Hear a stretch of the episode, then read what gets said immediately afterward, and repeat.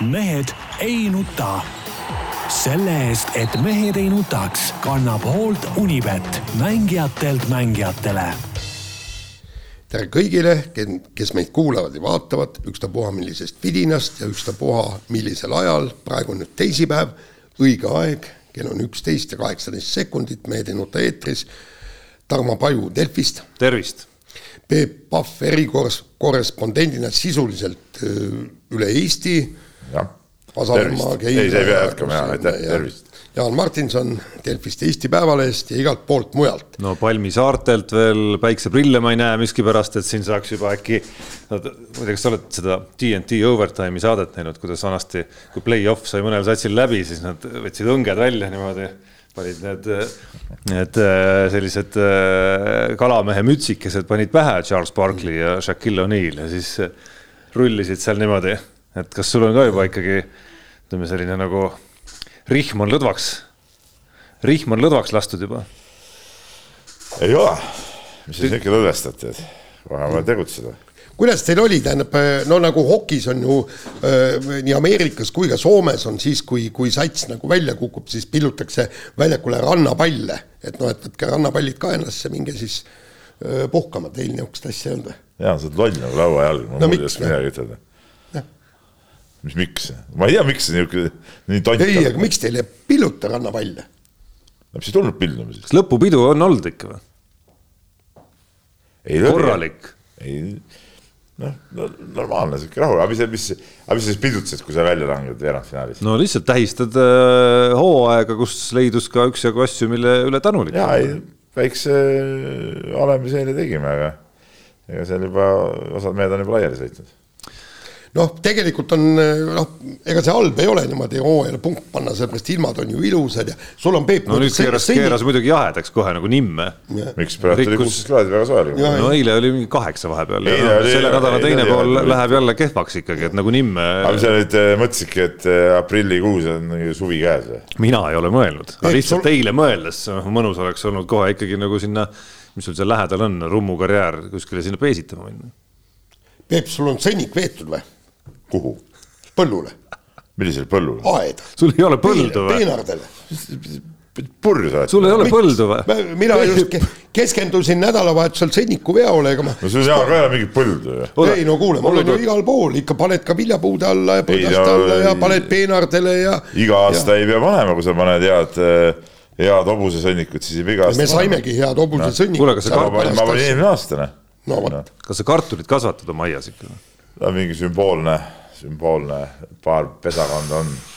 aga mis, mis, kes see tänapäeval siis Peepukene, no tõesti, ma oleks arvanud ikkagi kogu sinu nii-öelda nagu põllumehe hing ja, ja kõik see bravuur, mis sa räägid siin, kuidas see on õige värk. kui see mingid sai, sai kuskilt mingeid kartulipõldusid siin ma olen äh, haritud. kuule, ikka korra... oma värske kartul, esimene korra... kartul ikka jube hea. ei, ma räägin, natuke saab panna, aga, aga praegu veel on vara panna.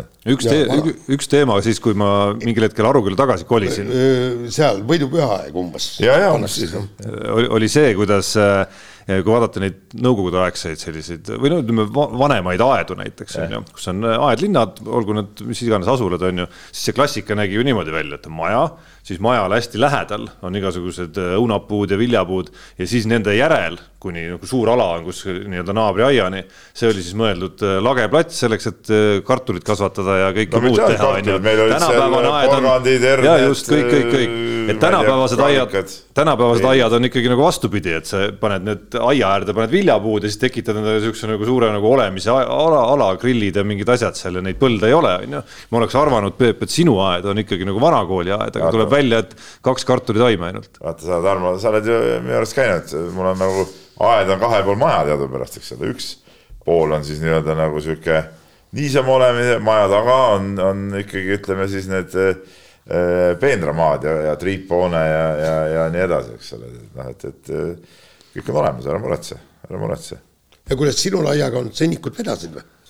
kuhu tema, tema elab ju linnaveeteris. ei, ei, kuhu ma seda pidin vedama? ei no aga sa, sul on ju maja ei, tal on ju mingisugune ridaelama boks, mis on nagu linnakorter, mis ongi sisuliselt Tallinnas. see ei ole mingi päris inimese elamise koht. ei vedanud sõnnikut no.. see on mingi vettinud põllu peale ehitatud ka. ja, jah, nii on ja muide Kui toas kõnnid, siis maja niimoodi õõtsub nagu täpselt nii, vetnud põllu täpselt, täpselt. ja muide karulauk on juba olemas päris suur, käisime toomas, kõik tegime esimesed salatid ära, eile tegime karulagu supi. see oli hea vihje, et karulauk on juba olemas, peab, peab äh, prouale edasi ütlema. sa võid ise minna tagasi teel täna, sõidad läbi sealt ranniku poole pealt, kus mingid karulagu metsad on küll meil ja on omad kohad teada. no, no ja sealt tuled läbi ja siis viid proua ja rõõmustad prouat. Tarmo, sa ajad ajad segast juttu.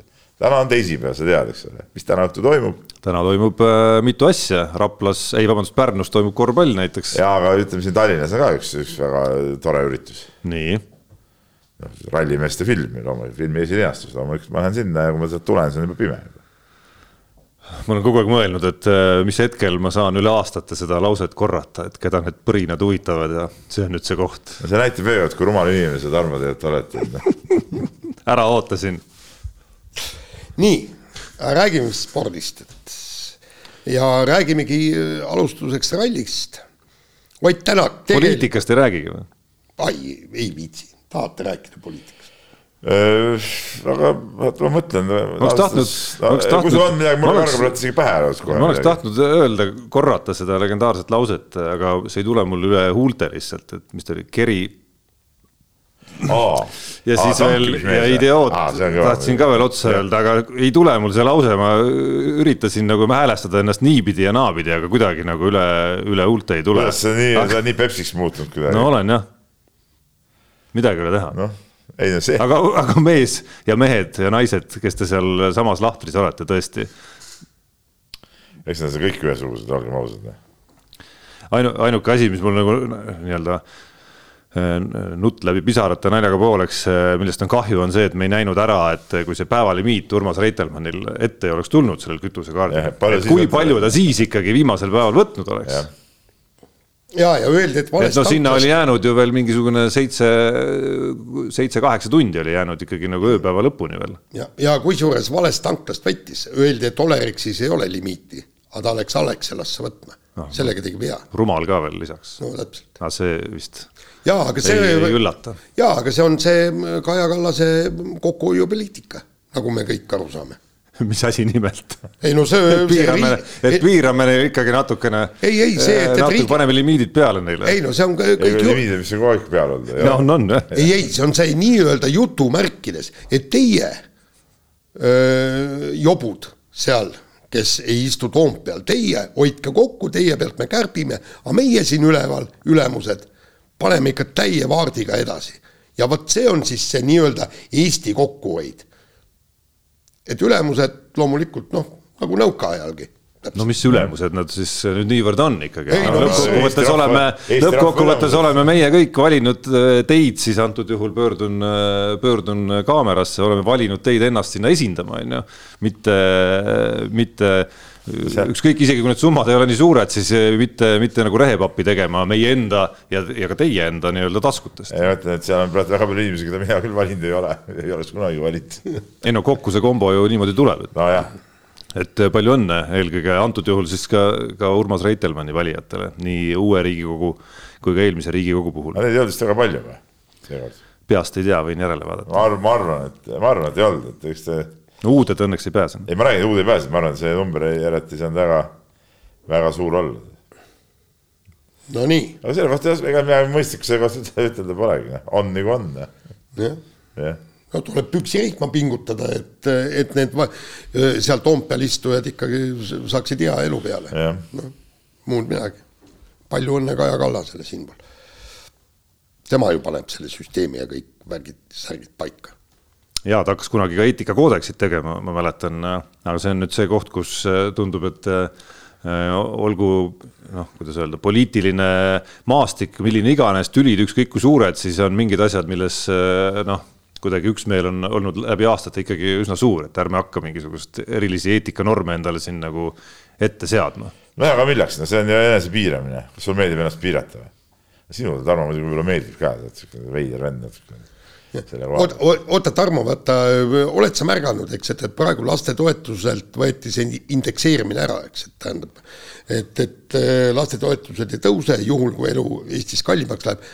kuidas on seal, kas äh, ministrite palkasid endiselt indekseeritakse oh, nüüd sa lükkasid palli sinna, kus ma ei julge faktiväidetega küll esineda siin. no kuidas sa ei tea sihukest no vot no, peab, üldiselt... kui ma tean vähemalt, kust kontrollida ja kust, kust järele vaadata. aga, aga no ma loodan, et äh, ikkagi meie valitsus eelkõige just Kaja Kallasega on rahvaga solidaarne ja, ja siis kui, juhul kui indekseeritakse, siis külmutatakse ka ähm, palgad täpselt nii kauaks, kui on külmutatud la, lastetoetused. ma arvan, et nii oleks aus nii, aga spordi juurde. spordi juurde, räägime rallist. ja Horvaatia rallil Ott Tänak, olgem ausad, et teine koht on ikka pagana, pagana hea koht, kuigi, kuigi oli võimalus ju võidelda võidu nimel. et, et, et juba laupäeval enne kahte viimast katset tundus, et nüüd hakkab see eh, Elfin Evans nagu selge ees vastu tulema ja tuligi paari katse pealt, eks, et vahe, vahe kahanes vist kaheteistkümnele. jah, aga, aga siis jällegi tabasid, tabasid äh, M-spordi Fordi äh, mingid tüüpilised pisikesed hädad ja, ja, ja nüüd on see asi, vot me oleme saates ka kirjutanud, sa Peep oled kogu aeg rääkinud, oh, mis me räägime sellest, et kõikidel on neid vigu ja värke ja särke no,. aga äh, jaa, aga nüüd, nüüd on kõik, absoluutselt kõik ralli ajakirjanikud ja kõik väljaanded räägivad, et tegelikult Fordil on probleeme just nende nii-öelda äh, kümnepenniste äh, vigadega, kord ei tööta käi-, äh, see käsipidur, kord on roolivõimuga mingi jama ja, ja, ja kogu aeg on mingisugune häda ja ja, ja praegu me võime ju öelda, et Toyota oli ülekaalukalt kiirem ja parim ja, ja nad ei saanud kolmikvõitu ainult tänu see või selle tõttu, et Ossier ja ja siis Rovanpera lõhkusid esimesel päeval, vist esimesel kiiruskatselgi, lõhkusid rehvi, ka noh, said kõva kaotuse.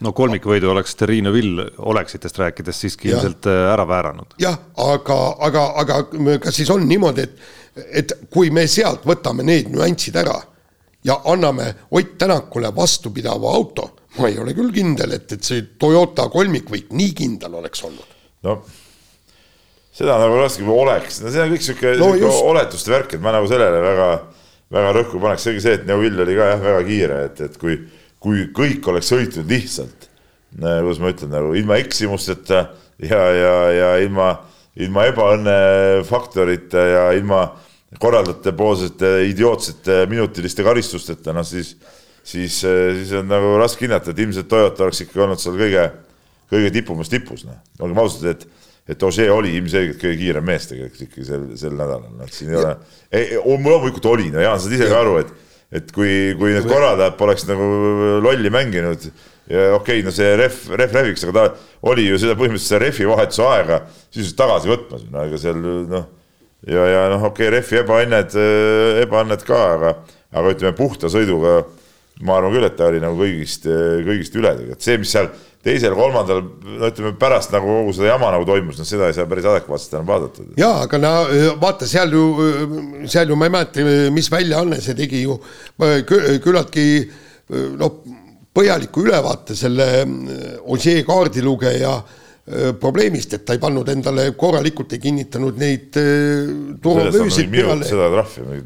jaa, aga, aga nad ütlesid, et umbes, okei okay,, minut ei läinud, eks, aga aga Rovanperal võttiski rohkem aega. see trakside pingutamine või? jah, et korralikult eh, kõik kiivrid, sa pead ju Hansid ja kõik, kõik, kõik. no neil oli kõik muu oli korras, küsimus oli ainult eh, trakside. ei olnud, ta, ta veel susserdas oma Hansiga ja seda noh, selle peatoega ja sellega ju susserdas ka veel tükk aega, et seal ta oligi, ta sai lõpuks kolmkümmend sekundit pärast äh, nii-öelda liikuma hakkamist sai alles asjad peale ja selge, minut on palju, aga, aga pool minutit oleks, oleks olnud täiesti õiglane. seda üldse täielik nonsenss noh. no reegel on reegel lollaks reegel. ei, aga lollaks või mitte. Ük... tema riskib ja teised ei riski. ei, aga kui üks ekipaaž peab sellest reeglist kinni ja kulutab kolmkümmend sekundit rohkem aega, noh.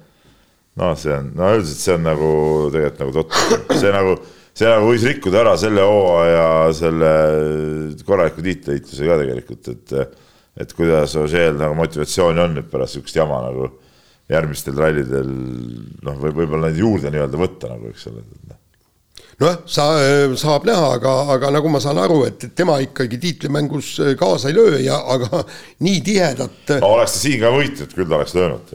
no jaa, aga võit, kas just sinna sellesse karistusse läks, et, et see läks ikkagi rehvi et, et ütleme, ütleme poodiumi koha, poodiumi koha kaotas ta ilmselgelt selle karistusega. no ei tea, ta oleks ilma selleta, ta oleks äh, lappi kinni võtnud. ei, lappi olekski võtnud, aga kas ta Tänaku ja Evansi oleks võtnud, on juba kahtlane. poodiumi koht äh, oleks olnud olemas. seda ma räägingi, poodiumi koha ehk siis, mis ta on, viis punkti põhimõtteliselt, et see ei olnud nagu nii suur kadu lõppkokkuvõttes punktide mõttes. ja, ja kusjuures Ossier Refi purunemine noh, seda peeti, peeti ikkagi niisugune poolõnnetuseks, eks, aga näiteks Kalle Roandpera puhul ütles ju Toyota otse välja, et, et tal oli legendis täpselt ära märgitud see koht, et see nii-öelda teeauk või mis, mis seal oli, kus ta läbi sõitis ja see oli kõik pandud, et ära sealt mingil juhul läbi, et rehv võib katki minna, vend pani sealt läbi ja siis seal see valati ikkagi, isegi oma tiim öö, äh, valas süü ikkagi otseselt Rovanpere kaela.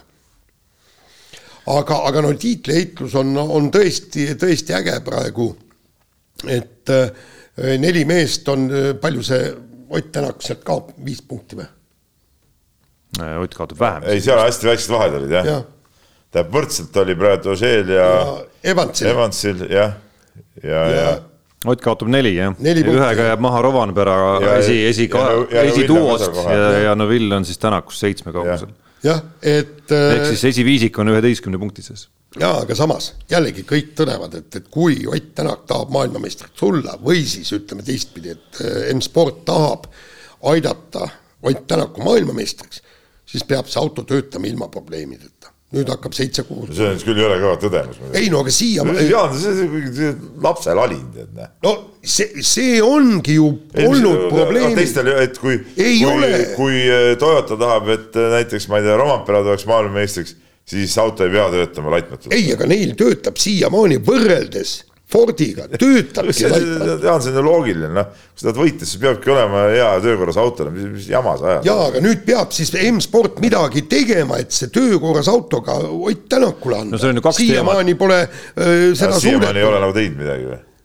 no siiamaani pole suudetud, ma ei tea, kas see ajuba jutt, mis sa räägid, no see on nüüd peavad seda tegema, ma olen selle aasta kaudu, mis ma seal treener olen, ma olen aru saanud, et aja, spordiajakirjandus ajab üheksakümmend protsenti täielikku paska suust. tähendab see. see kõik, sest sinu need jutud, Jaan, on täielik möga, enamus need arutelud, mis räägitakse, täielik möga. no see, see on lihtsalt nagu, nagu jutt mitte millestki. et tähendab, ühesõnaga M-sport ei pea praegu mitte midagi Muidugi tegema. aga, aga mis niisuguse avaldusega esineda, no mis, ma arvan, nad ise ei tea seda, mis nad peavad ei, tegema. ei no aga siiamaani ongi pisivigade tõttu ei ole Ott Tänak nagu, MM-sarja nagu meelega jätnud, et pisivead kõrvale nutta või? ma ei tea, miks. täitsa lollakas. no aga Peep, räägi meile asjalikku juttu. sul on võimalus ei, olla nüüd see kümme protsenti. aga mul ei olegi, mis, mida mul seal ütelda on siis, mis ma pean ütlema M-spordile ette, mida nad peavad tegema või? segased olete peast natuke või? loomulikult see asi, see on, nemad ise teevad oma tööd ja meie asi on vahendada ainult tulemusi ja ja, ja kommentaar on kõik, mitte, mitte avaldada sihukest jaburat arvu, nüüd peavad nagu tegema sellist, seda, seda, seda, no mis nad ise teavad, mida nad peavad tegema. no aga mikskipärast kogu maailma ajakirjandus, ralli ajakirjandus, kõik, kõik selle ajakirjandus ongi nagu nõmedus tegelikult. ei no siis me võime saate ka kinni panna. tuleme siia saatesse. ega see ongi, ega. kui sa ütled, et ainult tulemustest võiks rääkida. oma olemuselt eh, jah tuleme siis siia, loeme tulemused ette paberi pealt, et äh, jah, et. rääkida nagu sportlikust poolest, aga mitte, mitte sellest, mida see tiim peab seal nüüd tegema, peab ja. tegema nii, et, et neid probleeme ei oleks, muidugi peab tegema. see see on ju, see on ju nii elementaarne asi, sellest ei ole nagu mõtet rääkida. Peep, sa ütlesid, spordiajakirjandus peab vahendama tulemusi, tulemusi ja, ja sõitjate kommentaare, nii ja loemegi siit, tuleme siia saatesse, loeme ette, eks Horvaatia ralli esimese koha sai Elfin Evans ja ta kommenteeris oma võitu nii. teise koha sai Ott Tänak ja, ja, ja tema kommenteeris. Nagu päris äge saade, Peep, muidugi. ega see saatel ma ei näinud nagu sellisel kujul mõtet enam. seega sa ei ole ka elus ühtegi kommentaari avaldanud? olen. või lõpeb otsa, nüüd lõpeb otsa või? ma võin avaldada oma arvamust mingisuguse asja suhtes näiteks nii või Ei, nii. no aga see ongi, Jaan avaldabki arvamust. Jaan avaldab arvamust, mida nad peavad tegema, seda arvamust ei saa Jaan avaldada. ei no miks, Miks ei saa? miks ei saa samamoodi võib ei-, samamoodi võib ta ei avaldada arvamust, et ma ei ei tea, Keila peaks midagi,, et Keila peaks rohkem, ma ei tea, mängima kiiremini, aeglasemalt, No samamoodi ju- võib, võib avaldada no, küll. no võib, aga see on ju ajuvaba see arvamus noh. no sõltub konkreetselt, mis see arvamus on ja mis tema pädevus vaata on., mina jälle vaatan äh, spordiajakirja, ajakirjaniku äh, p- pilgust. tähendab, tulemus tulemuseks, eks tulemus on alati selge. Peep Pahvi korvpallivõistkond Keila võitis selle, kaotas sellele, kõik nii. aga see, mis tuleb treenerite ja mängijate suust, on ju täielik pläust. mitte keegi ei räägi ju kordagi asjast. aga mis ma peaks, aga mis ma peaks eh, sulle rääkima asjast, ma ei saa aru.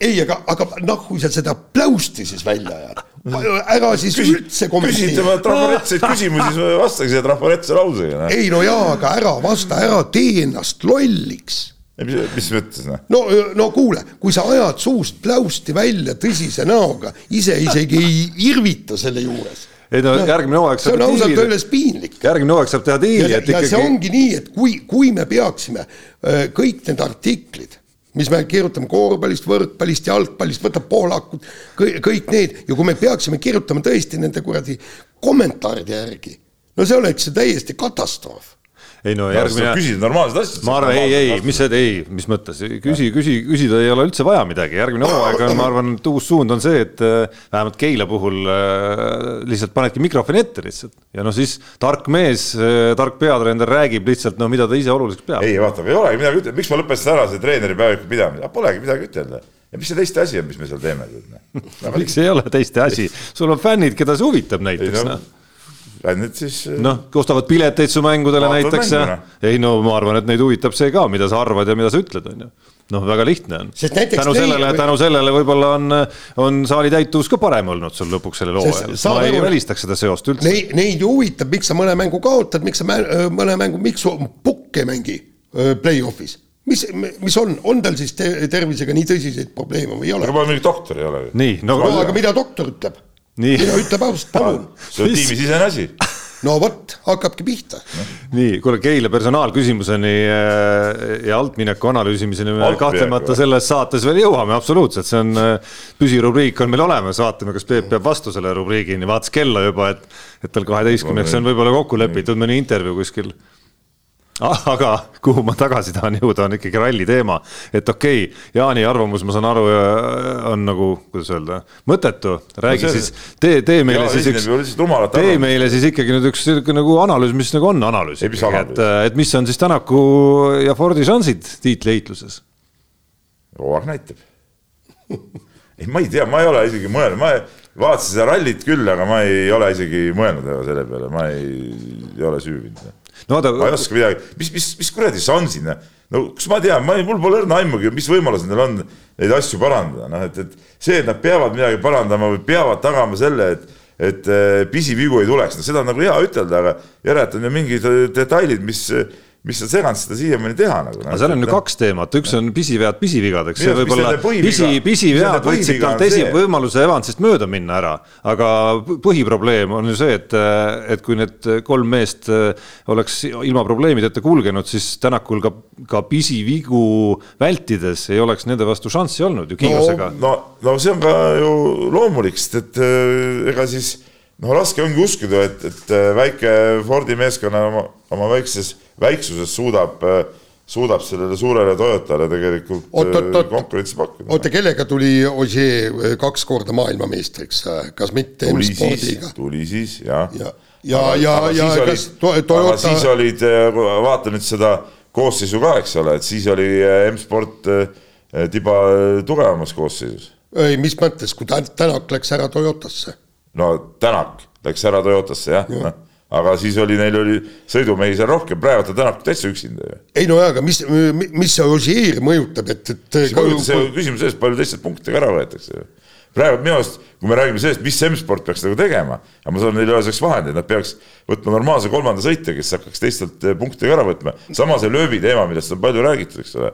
aga no et neil ei ole seda võimalust, noh. ja öelda siin, et nad peavad ta võtma, no kuidas nad peavad võtma, kui neil ei ole, ei ole selleks eh, võimalust, kuigi see oleks minu arust ainuke, eh, ainuke tõsiseltvõetav käik, mis aitaks tegelikult Tänakul kuhugi tõusta. aga see ei tee ju oota, sest seal Dubest ei ole nagunii mingit kasu, eks ole, noh, selles, selles mõttes tema ei võta mitte kelleltki mitte mingeid eh, punkte ära, noh, aga küll aga oleks, ütleme, niisugune lööbisugune vend, kes eh, okei okay,, ta ei peagi võitma, on ju, et on selles, kui näiteks Tänak võidab, et ta tuleks sinna taha või tuleks kas või kolmandaks, et mõni, kes Tänakuga võitleb, selle võrra langeks tahapoole, see on nagu see tiimi niisugune nii-öelda nagu taktikamäng, mida nagu M-sport nagu üldse teha ei saagi praegu, mulle tundub. ja aga noh, see ei tee Tänakut kiiremaks. no just, me räägime ikka Tänaku no,. Tänakul kiirust iseenesest olemuselt, kiirust on ju, on ju olemas tegelikult, noh.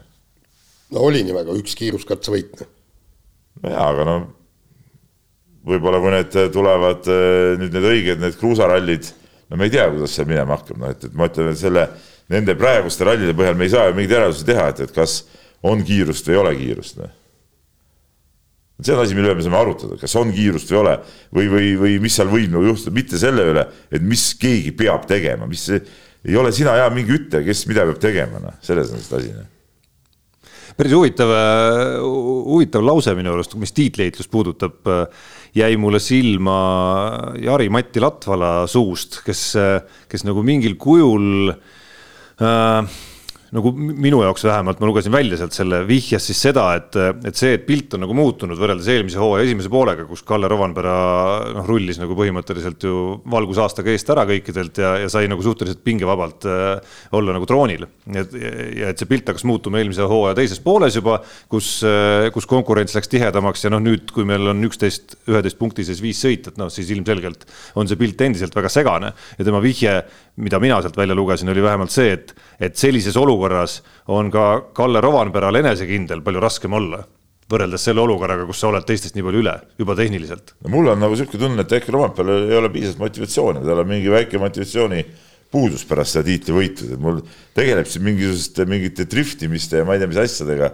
noh, kas ta, kas ta üldse nagu panustab sada protsenti praegu sellele tiitlivõidule no.? või no..., või ta võib nagu mõelda küll, et ma võidan, aga samas tal ei ole seda, seda niisugust Äh, kuidas ma ütlen, nagu nälga või, või, või uljust, et, et nüüd minna ja tõmmata nagu täiega. noh no jaa, aga seal on noh, mitut puhku on ju soomlased, üks seesama me, meie sõber vedas ki, isegi kihla, et ülejärgmine aasta Rovanpera no, enam ei sõida. ma mäletan seda jah, jah, et, et ma nagu noh, et see võib ju nii olla. jaa, ei absoluutselt jah.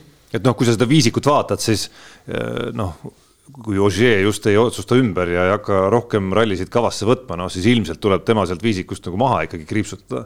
ja siis on küsimus, kes neljast, kes neljast ma, ikkagi. mina olen siiamaani aru saanud, pidav, palju ta siis sõidab, et üks on see mingi programm, aga, aga ma saan aru, et seda Horvaatiat ka alguses ju plaanis ei olnud ju tegelikult ju.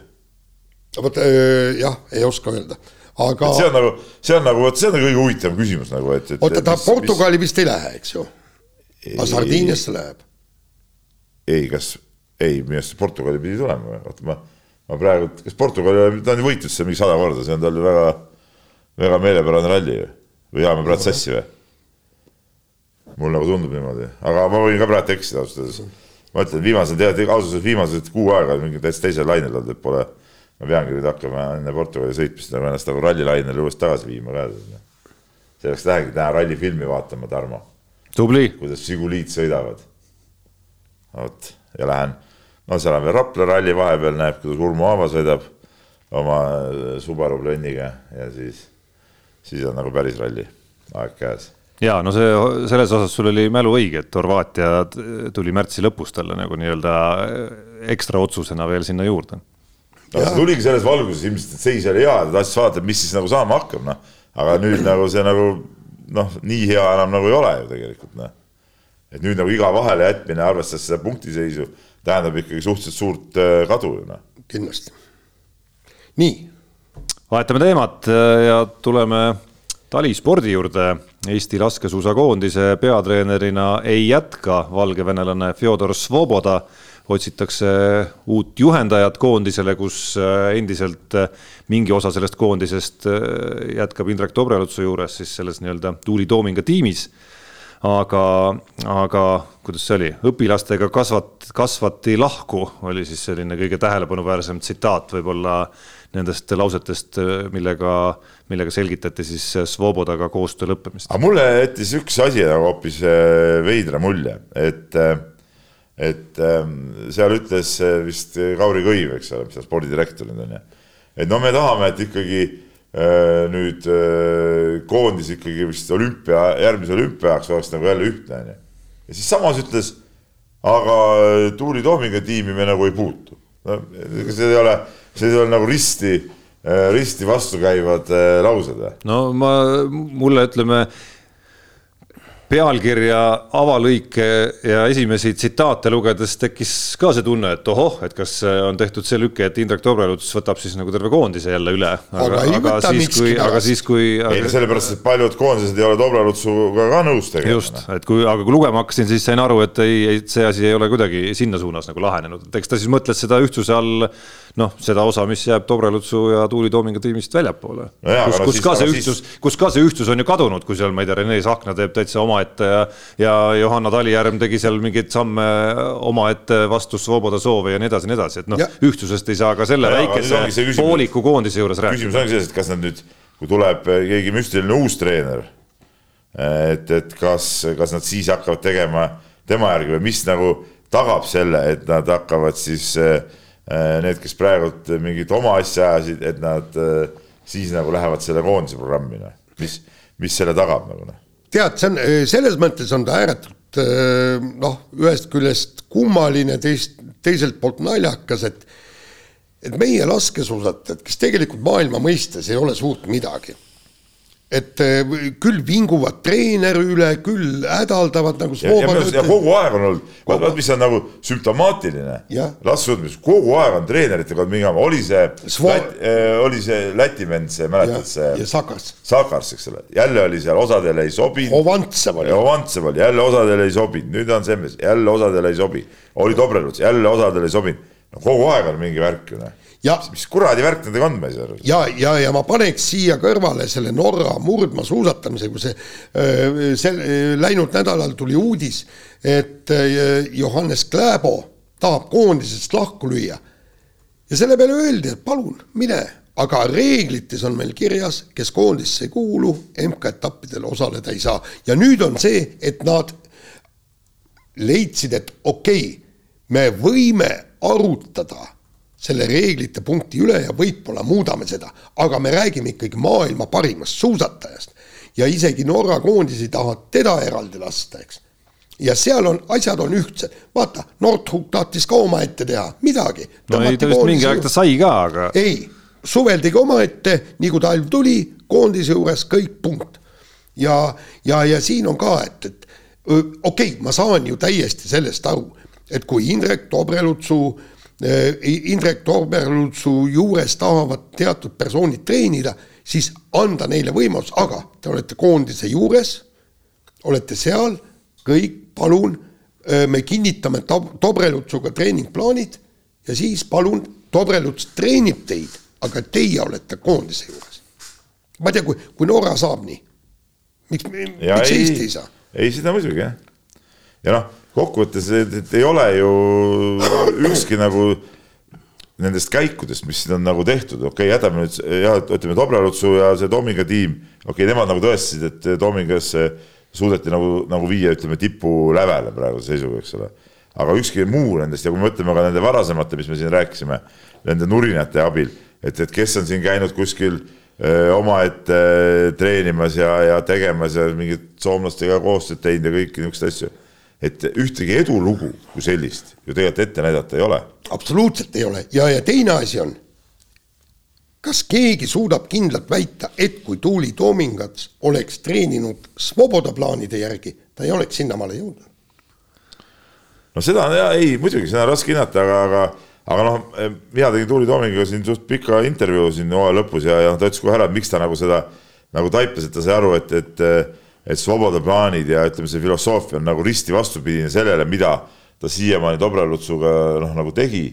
et, et, et see oli nagu üks põhjus, miks, miks ta tahtis nagu jätkata, noh, ütleme selle oma valitud tee järgi, ütleme sellest ma, ma oma olemuselt ma saan sellest nagu aru tegelikult, et, et sportlane tahtis seda teha ja, ja okei okay,, tulemus näitas, et oli, et oli, oli sellega korras, eks ole, ja tegelikult kokkuvõttes neil, ma saan aru, lõpuks see koostöö Soboda ja, ja Dobrelutsu vahel oli ka täitsa okei okay, nagu, et seal ei olnud ju, ei olnud, ei olnud midagi, midagi halba. Aga, aga ma ütlen neid, neid rohkem teisi edulugusid ju reaalselt nagu ei ole. aga no, ma, ma selles kord... Toominga tiimis ei suuda nagu niisugust probleemi näha, kuna nad on tõestanud, et nad eksisteerivad koos kenasti ja, ja pluss noh, me näeme seal ikkagi arengut, et, et võib-olla mõni neist oleks lõpetanud tänaseks spordi tegemise juba tipptasemel, kui, kui äh, keegi oleks jõuga hakanud väänama seal, et ei, te peate tegema täpselt nii, nagu Jaan siin näiteks räägib praegu. aga see ülejäänud koondis, noh, see peaks küll nagu kuidagi mingi ühtsuse suutma leida ikkagi ei kindlasti, kindlasti, ega ma ka, ma ütlen, et lihtsalt see lause nagu, mis, mis Kauri Kõiv välja ütles, no see nagu tundus nagu, nagu tiba kummaline nagu noh. see, selle tõi lihtsalt näite, et, see tiim, minu pärast ka võivad seal olla, eriti kui nad teevad koostööd. nüüd on jälle küsimus, kas uue peatreeneriga Dobrelus leiab sellise koostöö ja kes see üldse olema hakkab, no see on ju ka mingi, mingi segane seis nagu. läbirääkimised käivad. saab kuulda, saab näha. konkurss on välja kuulutatud ja läbirääkimised käivad. ja, ja kusjuures. konkurss kõlab muidugi veidralt alati nendel puhkudel. see konkurss on, tähendab peatreeneri kohale mingisugune konkurss üldse nagu totrus. ja, aga noh, sealsamas lauses käis ka, äh, käis ka läbi tea-, teade ja sõnum, et tegelikult juba vähemalt paari inimesega käivad mingid läbirääkimised, et, et noh, mis see konkurss siia puutub. ja, ja, ja teine asi on see, et, et kui see tuleb uus, uus peatreener me ei oska selle kohta tõesti vot siis hinnangut anda, sellepärast et meil on tipptreenerid siin käinud, seesama Svoboda, seesama Hovantsev, eks ju. Yeah.. ja kõik ja mitte midagi pole tulnud ja, ja, ja tegelikult see uus treener, kui tuleb, me võib-olla alles aasta-kahe pärast näeme, kas see oli hea valik või mitte jah, ja no aga ma, nagu ma aru saan, ikkagi mingi välismaalaste ihalus on jälle, jälle seal ikka. no jaa, aga Eestist ei taha keegi, keegi teha, Dobrelutsi, keegi, kes ei taha jälle, Dobrelutsi juurde Dobrelutsi taha, teisi treenida. no kas meil on neid häid laskesuusatreenereid või? noh, ma, ma ei oska hinnangut siin anda. Ja ei oska hinnangut anda, ma jäin praegu mõtlema, et meil oli seal kuskil kas Rootsi või Norra B-koondise juures oli see üks Eesti tüdruk ju vaata, ka treenerina töötab Eh, mis ta nimi nüüd oli? näed, ma ei suuda praegu ütelda, aga saad aru, mida ma mõtlen, et, et kui meil nagu satuvad eestlased nagu välja või äh, on siis. kes on Šveitsi laske. Kein Einastest. et, et, et kuule äkki tooks Kein Einastest koju tagasi nagu, ma ei tea, noh no, mis, mis, mis meil veel vaja on ja šveitslased ju ja Einaste pani nad ju sõitma väga hästi ju see aasta. Noh. Aga... arvad, et meil on rammu tuua Kein Einaste koju? nojah, ma ei tea. see on umbes samasugune jutt sul, kui sa, kui, kui sa siin hurjutasid Jaani eelmises lõigus umbes, et äh, peab tegema seda ja peab tegema seda ja me ei saa öelda, et ta peab võtma lööbi ei. endale, no et kui seda võimu ei ole, Kein ennast võib palgata. ei no oot, oot, aga kui me oleme toonud äh, siia siuksed tipptreenerid, nagu me oleme toonud, kas need on siis odavamad kui Kein Einaste või? no ma, ma olen täiesti kindel selles, äh, arvestades, kui palju, kui jõukas riik on no, Šveits. jah nojah, aga, aga ütleme, kas sa mõtled tuua jälle väljast siis mingit sihukest pooletera treenerit, noh. ega see Kein Einast ei ole nüüd laskesuusamaailma mingisugune äh, tipp äh, selles suhtes tipp, et nagu ma ütlen nagu palga mõttes mingi tippleveli mees ka ju. ja noh, kindlasti pärast sellist. selles, selles peatreenerite palga kuidas ma ütlen, mingi edetabelis on ta ikka kuskil seal ütleme nagu keskel nagu.. ja aga noh, pärast sellist hooaega kindlasti on see hinnalipp ikka oluliselt tõusnud, et, et lihtsam on saada selline Kein Einaste-sugune pärl justkui või avastamata pärl kätte ikkagi sellisel kujul, et, et noh, sisuliselt on ta mitte keegi ja sinu juures teeb ta oma esimese nii-öelda nagu hinna üleslükkamisliigutuse, et kui ta seda Šveitsi koondisega teeb, siis on juba päris keeruline. ma mõtlen seda, kuidas kuidas ütleme, sihuke Kein Enestsugune mees ütles nagu Eesti spordist nagu minema lasti. vot see on nagu asi, mille üle tasub nagu arutada. et, et ta ju läks tegelikult ju murdma peale äh.... ta ju läks Rootsi kaudu ja ta oli ju Rootsis, tal oli ju kas elukaaslane Rootsis no ja, ja kõike seal. jaa, nõus, aga pärast oli ju äh,, ta oli murdmas ju selle mis ka oli Šveitsi. jaa, Šveitsi, jaa. Šveitsi koondise, eks ole, treener seal tegi tööd. no aga kuule, aga kus siis Eesti kus siis Eesti suusameeste Neil ei ole raha ju, neil ei ole raha, no kuule, saad ju ise aru, kui meil on ju see äh, Eesti koondise peatreener on Aivar Rehemaa eks ju, kes on samas mänedžer ja kõik kümme asja, bussijuht, suusamääria, mis sa arvad, et Kein Einast oleks viitsinud hakata meie meeste suuski määrima või? nojah, aga kui meil oleks jälle vaata, see on nagu sihuke kahe otsaga asi, et, et kui oleks saadud Kein Einaste, kes suudab teha tulemust, siis tulemusele ka kaasneb ka raha ja raha annab võimaluse siis palgata ütleme, paremaid taustajõude, no kuidas, aga... kuidas Mati Karlovitšiga see asi käis, no lõpuks ju, lõpuks ju need ise need sponsorid käisid ja pakkusid, et võtke meie raha, eks ole. no just, aga teine asi on see, et, et vot Kein Einaste ja noh, ma ei usu, et ta liiga ausalt ütleks seda välja, kas ta näeb üldse meie suusatajates potentsiaali, sellepärast et kui sa öö, öö, tood mehe neljakümnendalt kohalt kahekümne kuuendaks siis äh, see areng küll on, aga sellega rahakott ei täitu. sa pead tooma ta ikka esikümnesse poodiumile. seda küll. Nii. nii, ja lähme edasi. Äh, vehkluses olid siis Eesti meistrivõistlused. Jaan vist käis kohapeal ka. ja äh, Katrina Lehis siis lõpetas vigastuspausi ja, ja võitis ära, et, et et kuidas nagu silma järgi tundus, et oli, oli juba hea või? no oli päris. olid teised nii kehvad või? ei, ei, ta, ta oli päris hea, aga, aga, aga noh, ütleme niimoodi, et, et mulle vähemalt jäi mulje, et, et ta kohati ikkagi mingisugusel ajahetkel tal oli see põlv oli ikka meeles ja kuigi ta ütles, et see lõigatud põlv, et see ei anna nagu tunda ja kõik, aga alateadvuses natukene võib-olla oli ja siis vahepausidel siis äh, treener Nikolai Novosjolov mudis ka seda põlve ja kõik, eks võib-olla seal lihased natuke krampi või midagi niimoodi, aga tegelikult ta vehkles hästi ja ta tuli sealt ju suurtest kaotusseisudest välja ja aga, aga vot seda hinnangut nüüd ei oska, vaata siin on hoopis teine, teine maailm, sellepärast et nagu nad ütlevad, et rääkisid, et kuna nad on omavahel, kõik need eestlased on omavahel niivõrd palju vehelnud, kõik tunnevad kõiki. seda on alati räägitud, see ei näita midagi. ja, ja ütles, et see on, see on isegi täiesti absurdne, pidi minema niimoodi, et sul on vaja enne võistlust soojaks vehelda ja keegi ei taha sinuga vehklema tulla. et noh, tähendab lihtsalt väiksed soojendusmatšid, et siis teine näeb ära, et kus on sinu hetkenõrkused ja kasutab selle siis päris matšis ära, eks. et, et, et see on nüüd, eh, nüüd selgub, eh, kõigepealt on Kolumbias turniir ja, ja vot see, vot selle järgi saab hinnata, kas Katrin Valehis ikkagi on, on ikka tegija või mitte maailmameistriks praegu.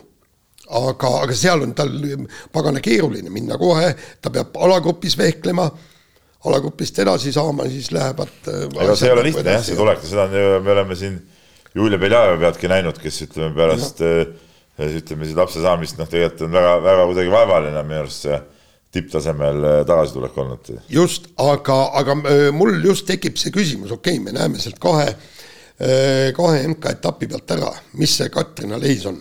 aga küsimus on see, et, et tal on meeletult raske, kui ta neid poodiumile ei jõua või turniire ära ei võida, on tal ääretult raske Euroopa ja maailma meistrivõistlusteks punktide kaudu jõuda Eesti EP-naiskonda ja vot seal on nüüd siis küsimus, on äh, peatreeneri valik, kas, kas valitakse Katrina Leist või mitte kahe turniiri põhjal. see on keeruline, see on keeruline ja mis siis on, kui, kui ta tõesti ei ole teistest meie praegustest vehklejatest peajagu üle. no, no siis ei olegi see aasta enam midagi teha ei ole jah. nii, nii, nii, nii see lihtsalt ongi, ega, ega sport on selles suhtes ikkagi suhteliselt karm, ega siis, ega ei saa ju ilma selleta, et ta nagu tõestaks seal välisvõistlustel, et ta on äh, nagu teistest üle, et ta väärib seda kohta, ei saa ju võtta koondisse, see on loogiline. kõik no. on õige, aga ilma Katrina Lehiseta on meie naiskond vehelnud ääretult kehvalt ja siin on nüüd küsimus, kas me jätkame sama liini ja loodame, et ühest, ühel hetkel hakkab see meie naiskond vehklema, seesama naiskond, kes on mitu-mitu turniiri. ilma no, Lehiseta jah, ilma Lehiseta on, pole jõudnud mitmel korral kaheksagi hulka, pole kordagi jõudnud poodiumile, meil on olümpiakohtadeks on vaja olla poodiumil, poodiumil, poodiumil. nii, kas me jätkame vana liini või proovime midagi muuta? nojah, aga sul peab olema teisest küljest. sul peab olema ka kindlus, et Lehis on sellel tasemel, et ta aitab kaasa, me praegu ei tea seda, ta peabki need võistlused näitama seda. faktid näitavad, et pra, äh, faktid näitavad, et ilma Lehiseta ei no, aga, jõuta poodiumile. aga koos Lehisega me ka ei pruugi jõuda ju me ei tea ju, võib-olla ta on, võib-olla ta ei ole selleks valmiski veel üldse, me ei tea ju keegi. ma väga tahaks oota, et ta oleks, oleks väga hea ja et ta nendele kahel võistlusel suudab tulemust näidata ja, ja, ja kõike timme võetakse sisse, eks ole, kasvõi selle treeneride valikuna. aga reaalselt, kui ta näiteks, ma ei tea, kummalgi võistlusel äh, alagrupist edasi ei saa, saa või, või langeb esimeses ringis välja, no mille alusel sa võtad teda siis? ei no ootame need võistlused ära, vaidleme siis edasi. jah, ei siin pole midagi vaieldagi, noh, lihtsalt nii on, ega siis noh, sa ajad ju udu jälle no nii, äh, järgmine teema, Pariisi olümpiamängude korvpalli kvalifikatsiooniturniir tuleb tõenäoliselt Tallinnas ma ei tea, kui tõenäoliselt, aga korvpalliliit esialgu taotleb seda siiski. ei, aga mul on. ja olgem veel kord täpsed, see ei ole mitte kvalifikatsiooniturniir, vaid see on e-kvalifikatsiooniturniir, ehk siis okay., ehk siis esialgu siiski see, ütleme eh, mudaring nagu ütleme, kui sellel tasemel niimoodi saab nagu ütelda, et, et noh. no siin päris ei saa, siin päris ei saa. seal nagu mudavõistkond ei ole otseselt, aga see ei ole veel nagu see päris turniir, et see on nagu noh, sihuke no ütleme jah, no ütleme no,, muda me kasutame ikkagi nagu päris põhja. Nagu, seal nagu ütleme, siuksed nagu teravamad tipud mängivad MM-il seal. ja, ja aga no siin on allpool on veel need, kes mängivad Euroopa meistrivõistluste eelvalikturniire, keda siia üldse ei ole nagu lastudki. ma ütlesingi sellel tasemel muda, muda. no miks sa pead üldse sellist halvustavat väljendit kasutama? miks sa halvustad?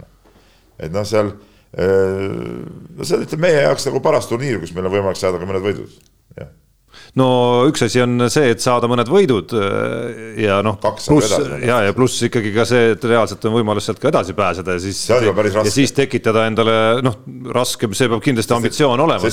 ei muidugi, aga Eesti on, ma saan aru, kolmandas tugevusgrupis on ju, et igas, igal juhul me, on meil alati ees kaks meist tugevamat võistkonda, ütleme nii-öelda selle ranking'u järgi ja, ja, ja arvestades, et turniir toimub äh, suve lõpus, siis äh, eeldatavalt võiks võiks kõik need satsid olla ka ikkagi päris tugevas koos. no teisest küljest on Eesti jõudnud ka sinnamaale, kus, kus me ei saa öelda, et et see on nagu tohutu miinus meie jaoks, et, et me näeme, kuidas Euroliiga mehed ei saa ju tulla ja Endri Trell ei saa tulla ja Gerg Riisa ei saa tulla olukorras, kus need mängud toimuvad kuskil hooaja, klubihooaja käigus on ju, et, et seda, see sõltub nüüd võrdlusest mõne konkreetse vastasega, et noh, kui ma võtan siit teisest tugevusgrupist Belgia näiteks, siis see on väga suur pluss meile, kui me mängime Belgiaga sellisel ajal, kus meil kõik mehed saavad kohale tulla. on meil kõik mehed kohal üldse? no seda me täna ei tea kahtlemata veel. ja, ja.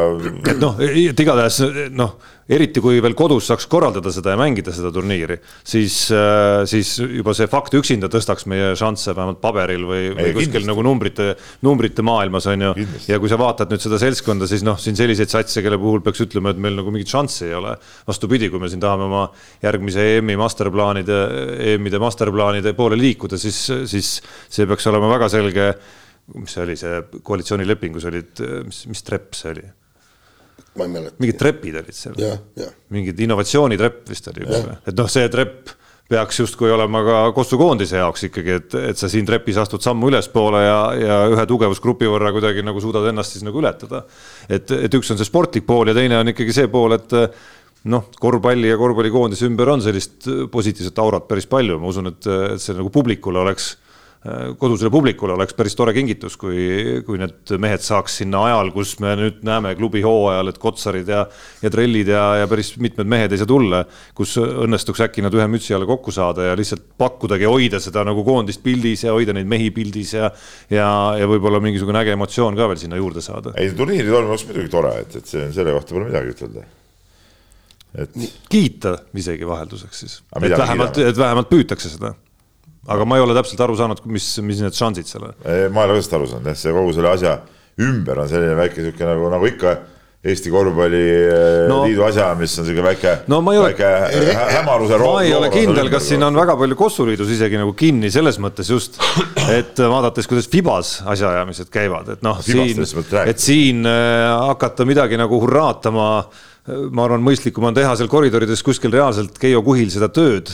et, et see turniir endale saada, selle asemel, et siin kodus nagu väga hõisata ja, ja rääkida, kui hästi ja kui, kui vinge meil kõik see, kõik see värk siin on, on ju, et kui, kui seal EM-finaalturniiri kohti jagatakse isegi äh, Küprosele, kes on tõeline mudaliiga meeskond ikkagi, äh, kes ei suuda isegi Euroopa meistrivõistlustel sinna nii-öelda nagu põhivalikturniirile pääseda, siis, siis selge, et seal on seda koridorides äh, askeldamist ja rääkimist päris palju vaja, et, et selliseid turniire endale saada. aga selle saatuse lõpetuseks räägime ka Eesti jäähokikoondisest, kes on alustanud siis kodust MM-i turniiri, mis ta siis on, esimese divisjoni B-grupp või? on korrektne väljend selle kohta, on alustanud siis karistusvisetega võiduga Serbia üle ja eile siis võiduga Hollandi üle, aga kõik raskemad pähklid on Eestit sellel turniiril siis veel ootamas ja kõrgemasse seltskonda saab siit ainult turniiri võitja no ja ütleme, ma arvan, kõrgemasse seltskonda pääsemine ongi, olekski Eesti jaoks tegelikult ikkagi liiga, liiga suur suutäis, mida, mida püüda, et number üks eesmärk pidi olema see, et välja langetaks siit ja ma arvan, selle. see vist on, see peaks olema täidetud. ära tagatud. tõsi, ütleme need mängud, ma ei ole nüüd kahte esimest mängu saanud väga tõsiselt jälgida, küll ma kavatsen nüüd järgmisi mänge minna ka koha peale vaatama, aga, aga ütleme väike nagu sihuke mitte pettumus, vaid ütleme, võib-olla ei ole nagu päris nii hästi välja tulnud, kui oleks, oleks oodanud just ja ja mida me näeme, noh, ei suudeta realiseerida väravvõimalusi, et, et võimalusi kui selliseid on. mängitakse kohati päris korralikult, aga, aga see oma, oma realiseerimisoskus on kuidagi, kuidagi nagu kadunud praegu. ja see on just, et kummaline, et mäng on ju mäng on ja tegelikult oleks võinud ju rahulikult rullida mõlemast üle niisugune pluss kuus-seitse väravat. ja, ja me, me Tarmoga siin enne saadet kõike rääkisime, eile oli siis seal time-out'i ajal vist näidati neid Eesti supervõimalusi. No taevane arm, noh.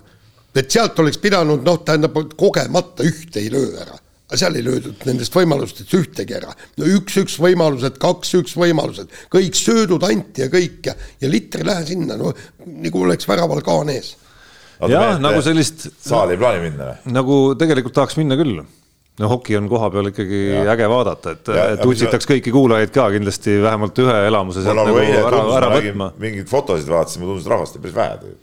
Rahvast oli seal vist kusagil tuhande viiesaja ja kahe tuhande vahel vist. halloo noh sul koondis mängib MM-i, peaks see viis tuhat peaks täis olema seal.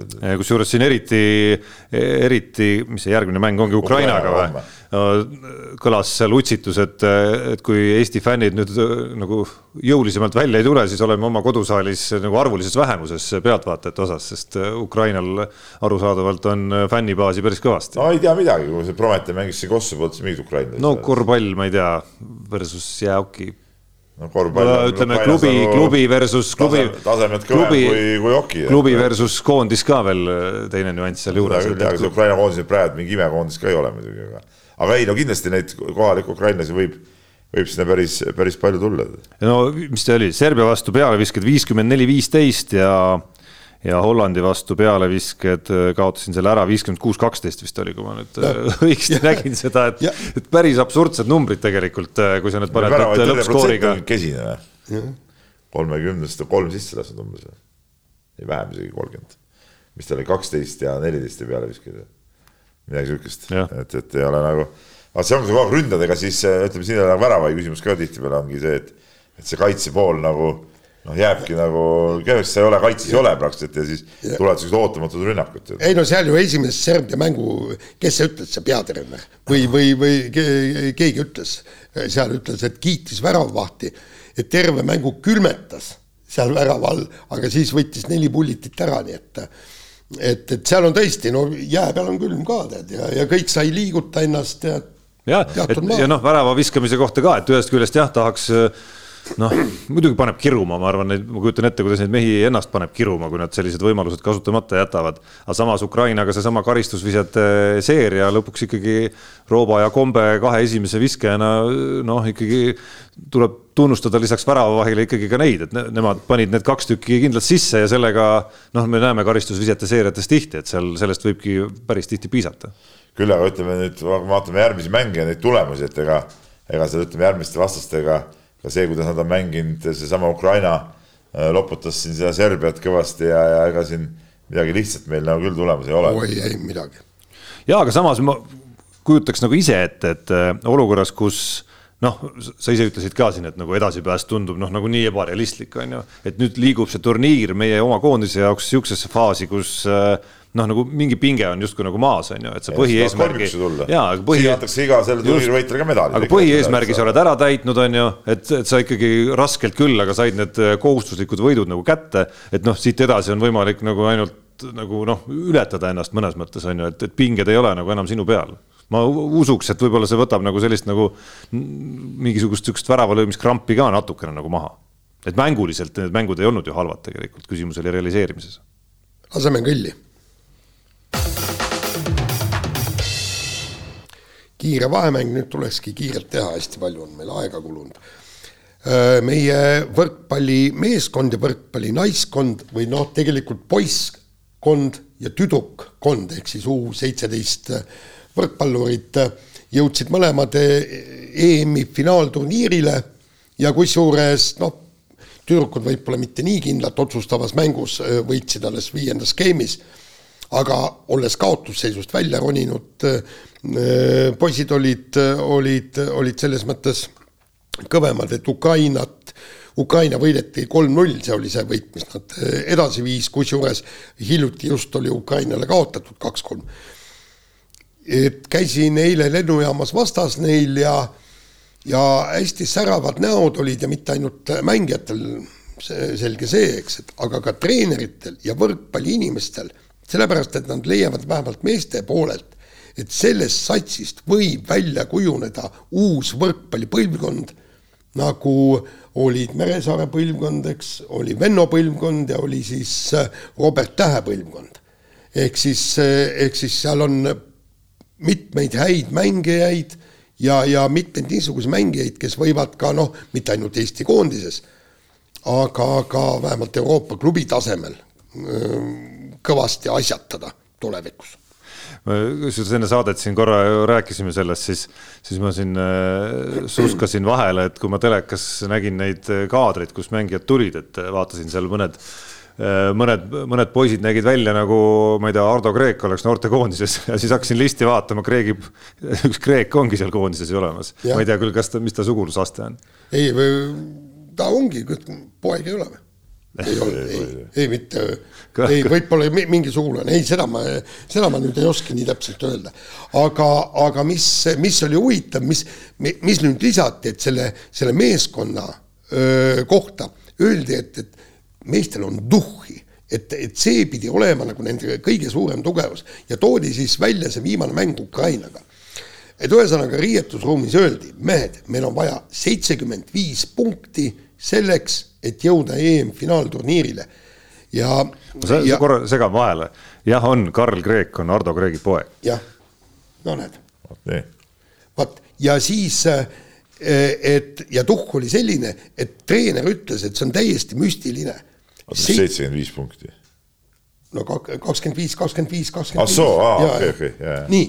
ja nad. kusjuures ma hakkasin mõtlema, et, et kolm korda viisteist. ja ei. nelikümmend viis. nii, aga, ja siis oli, ta ütles niimoodi, et emotsioonid olid iga punkti punkti võitmisel nii, nagu nad oleks tulnud maailmameistriks, et vendadel oli niisugune tuhk, jess, ja, ja, ja nad suudavad ennast nagu käima tõmmata ja näidata just seal otsustavatel hetkedel parimat mängu, oma parimat mängu.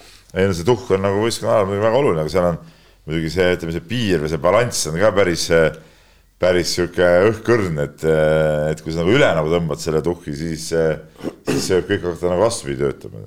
aga noh, nendel töötas selle hästi ja jäi väga, väga hea meel, väga hea meel.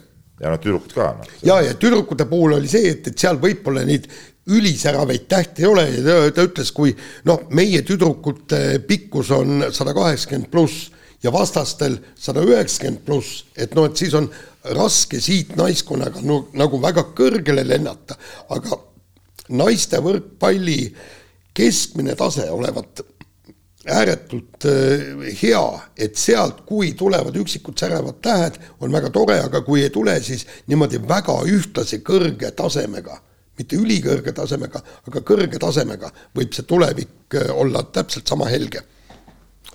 Nii, aga Eesti sport on päästetud äh, ka, ka muul rindel. Suures pildis, ütleme siis niimoodi, vastne riigikogulane Tanel Tein, kui keegi teine ei taha teha või ei tee, siis tuleb minna ja ise ära teha, nii et jääme ootama Tanel Teini ärategemisi, nüüd ikkagi spordivaldkonnast käib ju jutt antud juhul. no ma olen mitu korda rääkinud, et seal äh, Riigikogus on igasuguseid spordimehi olnud ja ja, ja, ja ei ole nagu neid äh, tulemusi väga, väga tulnud spordi kasuks sealt tegelikult, et olgem ausad.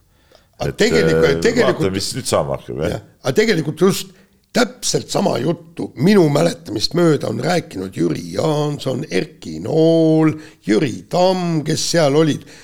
nii, nüüd me tuleme, nüüd, nüüd me teeme seal midagi ära. lõppkokkuvõttes, noh, mis nad teinud on nii väga? Nonii, igatahes kinnas, Tanel, on sul nüüd korralikult ikkagi õhku visatud.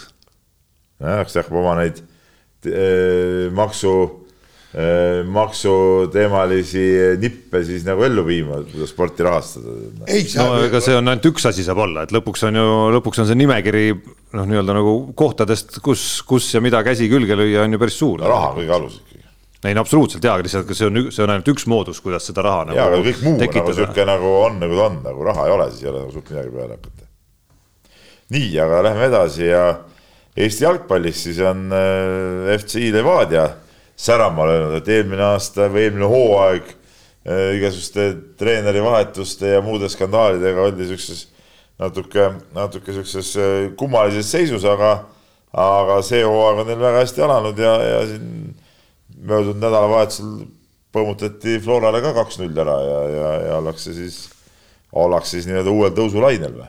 ja, ja noh. mis on hispaanlasest äh, peatreener või? ja va vaatame tegelikult, no okei okay,, me ei, me ei ironiseerinud, aga, aga, aga me siin ju arutasime, et kuidas noh, kas mingi hispaanlasest äh, peatreener, kes, kes läbi tõlgi suhtleb mängijatega. just täpselt, et kas see võib mingit tulu tuua ja, ja kõik.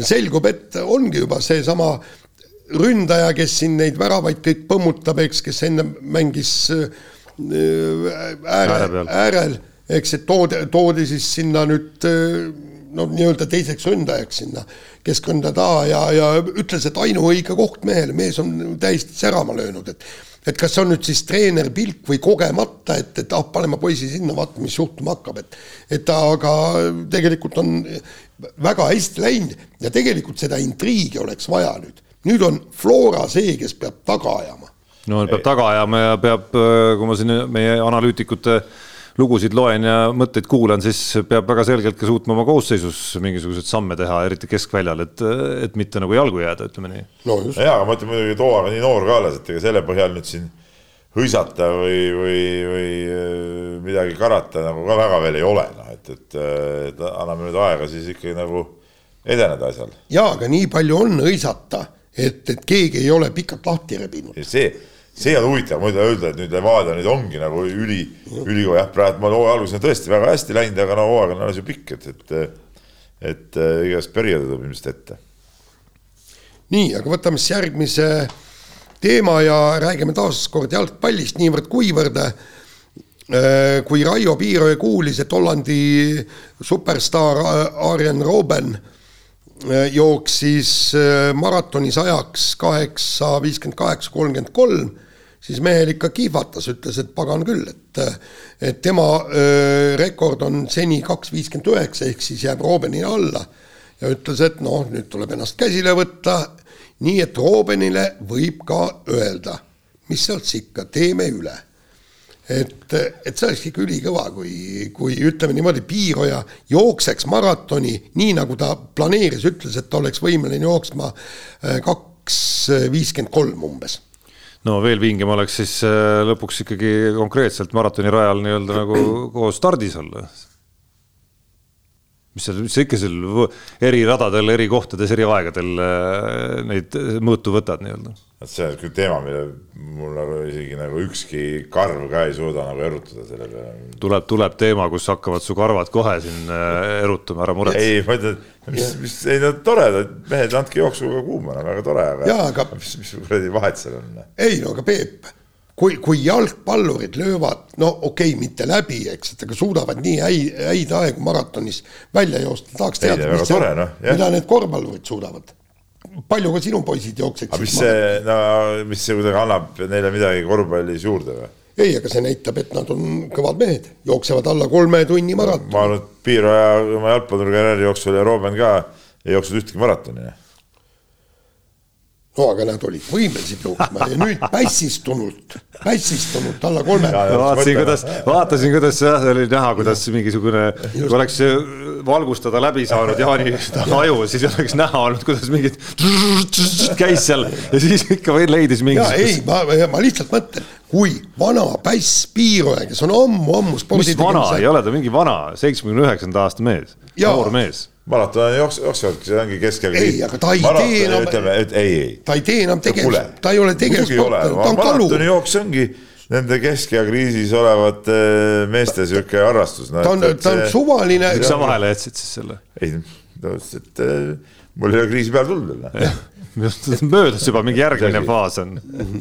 ei noh, mingisugune suvaline kalur, kes ei ole ammu-ammu enam tippsporti teinud, jookseb kaks viiskümmend kolm, kuule sinu poisid peaksid siis umbes kaks kakskümmend, kaks kakskümmend viis jooksma maha.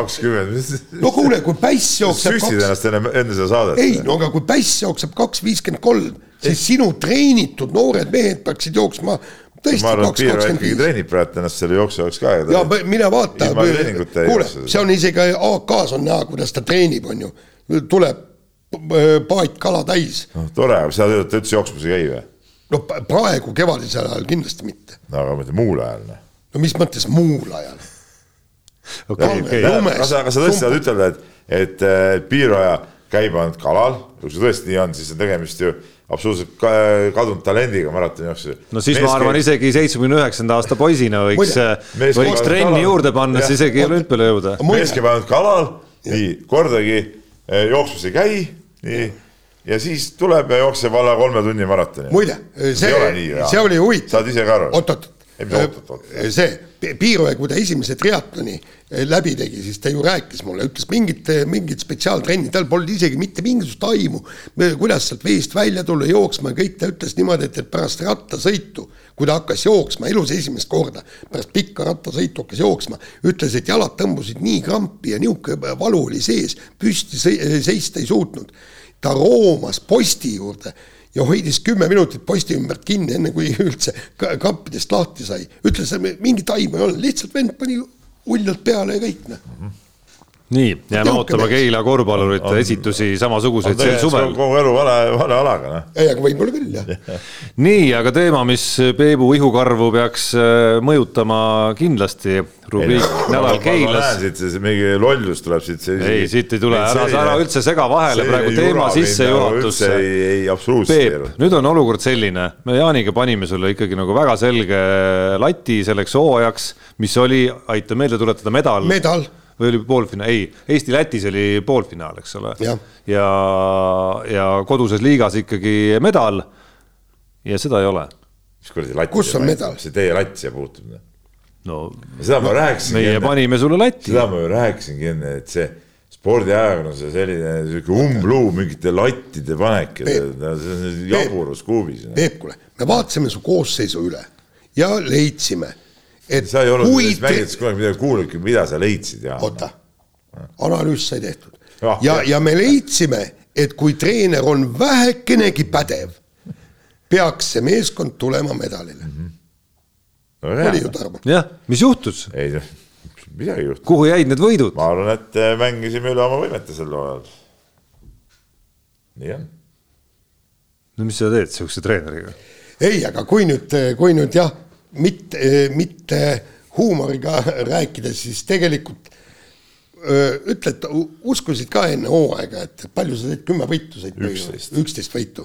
et, et tuleb üksteist võitu, sa Peep isegi ju rääkisid, et, et, et noh, et, et oli hirm, et me peame siin umbes Rakverega kuidagimoodi võitlema selle viimase koha pärast tegelikult ei läinud ju halvasti. ja no selle hirmu sai ikkagi nüüd aastat tervikuna vaadates ja tõsisemalt rääkides ikkagi ju sügisel suhteliselt kiiresti maha isegi. et siin ju Tartu alistamine tuli, mis kuus see tuli juba seal kuskil oktoobris või novembri algul, peast ei mäleta enam ega ma ise ka ei mäleta. et, et, et no ühesõnaga need, et ma usun, et see pinge tuli sul maha ikkagi üsna hästi ja ma ei, siin ei ole ju tegelikult mingisugust noh tõsiselt rääkis, rääkides mingisugust nagu keerutamist, et äh, ma arvan, et loomulikult te võite oma hooajaga rahul olla, kui ma nüüd räägin analüütiku positsioonilt, äh, kui Peep lubab üldse muidugi siin äh, enam analüüsida midagi siin saates, võib-olla peaksime hoopis ainult tulemusi ette lugema ja yeah. oma arvamust mitte, mitte kajastama, et noh, et kui, kui nüüd play-off'i seeriat tuli mängida ilma Radunitšita kes, mis siis salata, oli, oli, kelle värbamine ja kelle mäng sellel hooajal Keila eest noh, selgelt oli, oli üks nagu võtmetegureid, siis, siis noh, väga raske oleks olnud selles seerias võitu tahta ikkagi, ma noh, tegelikult isegi võimatu. no Radunitsit ja ma, kas Sten Saaremäel oli ka ikkagi oluline lüli, mis oli puudu, no et ütleme, ütleme käike nagu ikkagi ei tulnud ja, ja, ja just seal mängujuhi koha peal võib-olla jäi ka natuke selles suhtes vajaka, et, et.... no eks ta mõjutab ju kvaliteeti igal positsioonil lõppkokkuvõttes, iga selline mees, kes on noh, esiteks Radunitši tasemel mees, Eesti-Läti liiga staarmängija põhimõtteliselt, pluss siis Sten Saaremäe-sugune mees, kes on ikkagi äh, aastatepikkuse meistriliiga ka põhimängija kogemusega, et noh, et midagi ei ole teha, see on ikkagi midagi muud kui kui äh, noh, ütleme suurem osa siis Keila oma poistest, kellest mõni tegi ka väga selge arenguhüppe ja, ja ei, ma saan aru, saan aru, et mõni mängis siin ennast koondise vaatevälja isegi ja nii edasi ja nii edasi, on ju, aga noh, ma käisin Keilas vaatamas ka siis eelmise, mis ta oli, teisipäeval seda mängu, et eks seal eks seal lihtne muidugi on langeda sellesse tundesse, kui asjad hakkavad nagu kehvasti ka minema, et te suutsite seal ju teises mängus veel esimese poole veel väga kenasti mitte ainult mängus püsida, vaid juhtida isegi suurt ja. osa sellest esimesest poolajast. aga noh, siis kui ühel hetkel hakkab kehvasti minema, siis, siis, siis sul hakkab see taju nagu kuidagi tekkima, et oota, kas ma ikka saan nagu oodata, et, et need mehed täna mängiksid siis äh,, mängiksid nagu siis paremini, kui nad, kui nad antud hetkel nagu mängivad ei no reaalsus on see, et kümnest mehest, keda play-off'is oli kasutada, kuus mängisid eelmine aasta esiliigas et noh, see on nagu reaalsus. aga, aga kui ma ise nagu vaikselt mõtlesin äh, nüüd, et. ja kaks mängisid, veel, veel, tähendab kuus mängisid esiliigas, ma tahtsin öelda kaks, tegelikult üks mängis siis äh, meistriliiga kõige nõrgemas satsis, noh, et kaks ma sellest Sten Saaremäel ka, noh, ta ei mänginud ka. ja kui ma nüüd takkajärgisin, äh, eile veel mõtlesin, kui teemad tulid ja et, et, et mis oleks tegelikult noh, see, see Peebu meeskonna ja klubi eesmärk hooaja alguses olnud, noh punkt üks, vältida viimast kohta, kuhjaga täidetud. punkt kaks, tuua publik saali. et ehk siis teha ennast atraktiivseks Keila rahva jaoks. see sai täidetud, aga nüüd kolmas ja põhiline eesmärk. et see meeskond jätkaks ka järgmine aasta ja jätkaks veidikese, veidike parema eelarvega. vot see on nüüd, see on nüüd see, see, see oleks nagu see lõppenud hoo, hooaja põhjal oleks nagu see noh. no teoreetiliselt, kui me räägime, räägime nagu medalist, siis medalind on ikka umbes nelisada tuhat, noh, pluss. millest sa oled praegu, kui kaugel või olid? ikka kaugel ehk siis see suurusjärk on kakssada viiskümmend. ütleme jah, no seal nüüd ikka hooaja jooksul ikka natuke paisus, aga jäi, jäi selgelt alla kolmesaja ikka kõvasti, jah. aga ütleme, kui vaatame neid võistkondi, kes seal on, no reaalselt ütleme nüüd nagu olles vaadanud ka, mis, mis seal liigas toimub, siis Eesti meistrivõistluste medalihind on, on kindlalt nelisada pluss tuhat. Noh. no välja arvatud mingisugused noh, lihtsalt üle oma siukse noh, enda ületused, eks ole, ja, ja selles mõttes on kahju, et me ei et me ei näinud seda seeriat nüüd sellisel kujul, kus, kus ikkagi need kaks mängijat, kellest me rääkisime, siin oleks nagu rivis olnud, et et, et, et mida me siis näinud oleksime, kuidas see seeria siis oleks hargnenud noh, olgem ausad, Tartul oli ka oluline mängija puudu muidugi, aga, aga see jääb meil kahjuks nagu teadmata, et ses no. mõttes on nagu nüri värk ikka mõnes mõttes, et see, see Radunitši lugu ikkagi, et, et see nagu noh tema, tal on ülisuur osa, siin ei ole mingit küsimust. sa võtad ükskõik mis liiga statistika lahti ja, ja sa vaatad ükskõik millist Keila edukat mängu ja, ja saad aru, kui olulist äh, lüli ta etendas meeskonnas ja siis hooaja otsustavad mängud peavad ilma temata nagu läbi ajama. no eile enne, eile õhtu Marcis Vitos sõitis koju Lätimaale tagasi pärast meie väikest sihukest äh, lõpuüritust ja siis ta enne seda käis veel seal minu minu kontorist ka läbi ja, ja tõi, tõi korterivõtmed ära ja siis me seal istusime, arutasime ka natuke seda, seda hooaega ja, ja ütleme, tema ikkagi kogenud mehena ikkagi, ma ütleks ikkagi väga adekvaatsete asjadele vaatav mehena ütles ka, et, et kui ikkagi need kaks meest oleks olnud olemas, noh, et, et, et, et, et kas me nüüd seda seeriat võitnud oleksime, aga, aga see seeria oleks olnud noh, kindlasti selline, et me, me mingid võidud oleks kindlasti saanud ja, ja see seeria oleks olnud niisugune pikk ja, ja, ja põnev, et et meil omad võimalused igal juhul oleks olnud seal olemas. no esimeses mängus olid kusjuures ilma veel, ilma nendetagi. noh, mis, mis, mis noh, aus, kui aus olla, kindlasti oli üllatus, et see, et see nii läks, et, et mine sa tea, mismoodi see, mismoodi oleks see asi läinud, kui, kui Tartu ei oleks seda nagu kätte saanud, et selgelt mingisugune, mingisugune enesekindluse kasv seal toimus nagu selle pealt vähemalt teises mängus, vaadates, kuidas nad esimesel poolel, kuigi kaotusseisus olles viskasid kasvõi Peep, aga kuidas on, järgmine aasta jätkate, on see kindel? noh, tahaks loota, kindel ei ole siin kunagi midagi. ja nüüd hakkab eel, kui, kui antakse ja-sõna no sponsorite poolt, nii-öelda suurimate sponsorite poolt, siis hakkab siis see rahajaht pihta jälle. ei no eks jah, kindlasti hakkab rahajaht pihta, et, et no suurim sponsorlinn igal juhul tahab, et, et see jätkuks ja, ja noh, ütleme, see on siis alustala, ütleme millele saab, saab see üldse mingi asi jätkuda. Noh. aga ütle nüüd, kui linna eelarve... tugi on olnud ikka nagu mm., nagu mega igas mõttes nagu. ka mitte ainult ka rahaline, vaid ka, ka ütleme, linnapea isikus niisugune moraalne tugi on olnud nagu ikkagi väga, väga kõva. ja nüüd äh, küsimus ajakirjanikuna et kui su eelarve suureneb, no okei okay,, võib-olla mitte neljasaja kanti, aga neljasaja lähedale, neljasaja tuhande lähedale. Ja sa saad häid, paremaid mängijaid endale soetada. Keila poisid jätad alles.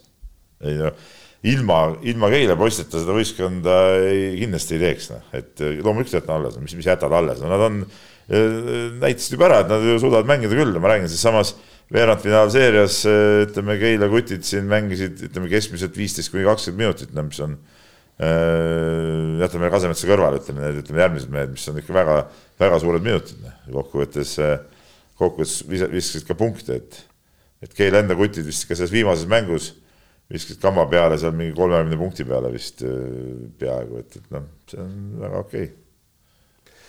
laseme kõlli Unibetis saab tasuta vaadata aastas enam kui viiekümne tuhande mängu otseülekannet. seda isegi mobiilis ja tahvelarvutis. Unibet, mängijatelt mängijatele. Nonii, Jaani Hoi, mingi muie on seal näol. ei, ei ole, ei, ei, mul, mul muie oleks näol, olnud näol siis, kui Ott Tänak oleks ralli võitnud ma panin, panin tema peale. seal oli päris hea koefitsient kaheksa või üheksa. üheksa, üheksa. samas seal ikka päris kõva optimism muidugi tema peale panna. no, noh. tehnikasport. tehnikasport, täpselt. nii, aga, aga õnneks sa räägid, et Fordi mehed ei oska autot ehitada, laguneb ju. Ei no ma lootsin, et seekord ei, lootsin, et seekord ei lagune. küll nagu juhised, panid neile lati, et nad peavad auto ehitama nii, et, et neid pisivigu no, ei, ei tule, aga noh, see. ei täitunud seda, aga kuna siis. aga ise ka teadsid, et sa siukse lati panid neile või? no ma ei tea. teadsid neile? no ilmselt teadsid no..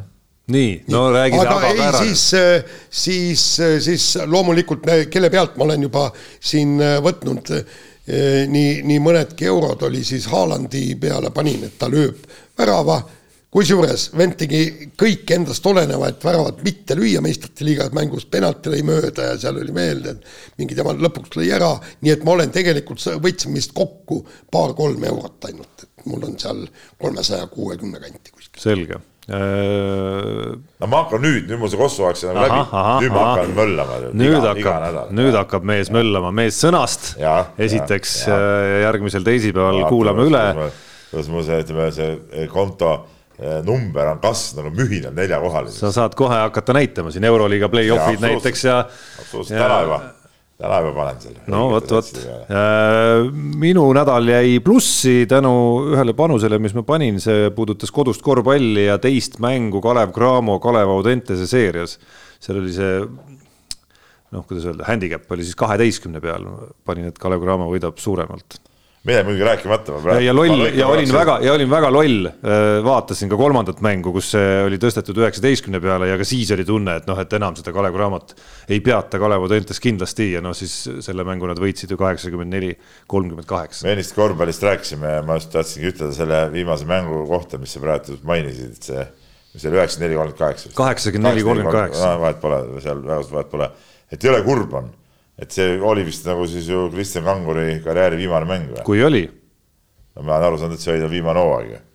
no ta ise ei ole ametlikult, kas ta on öelnud? aga kui see nii oli, siis, siis ütleme, nagu tahaks, ta saaks nagu mingisugune mingi nagu mingi parema mängu ka. olümpia valikturniiril siin näiteks. selle, no siin nagu see on nagu, nagu mingi liialdus, aga, aga no, no tegelikult no see no,, ta ei ole väärt sellist, sellise mänguga karjääri lõpetamist, noh, see on ikkagi täielik täielikult äh, kurb, äh, kurb vaatepilt.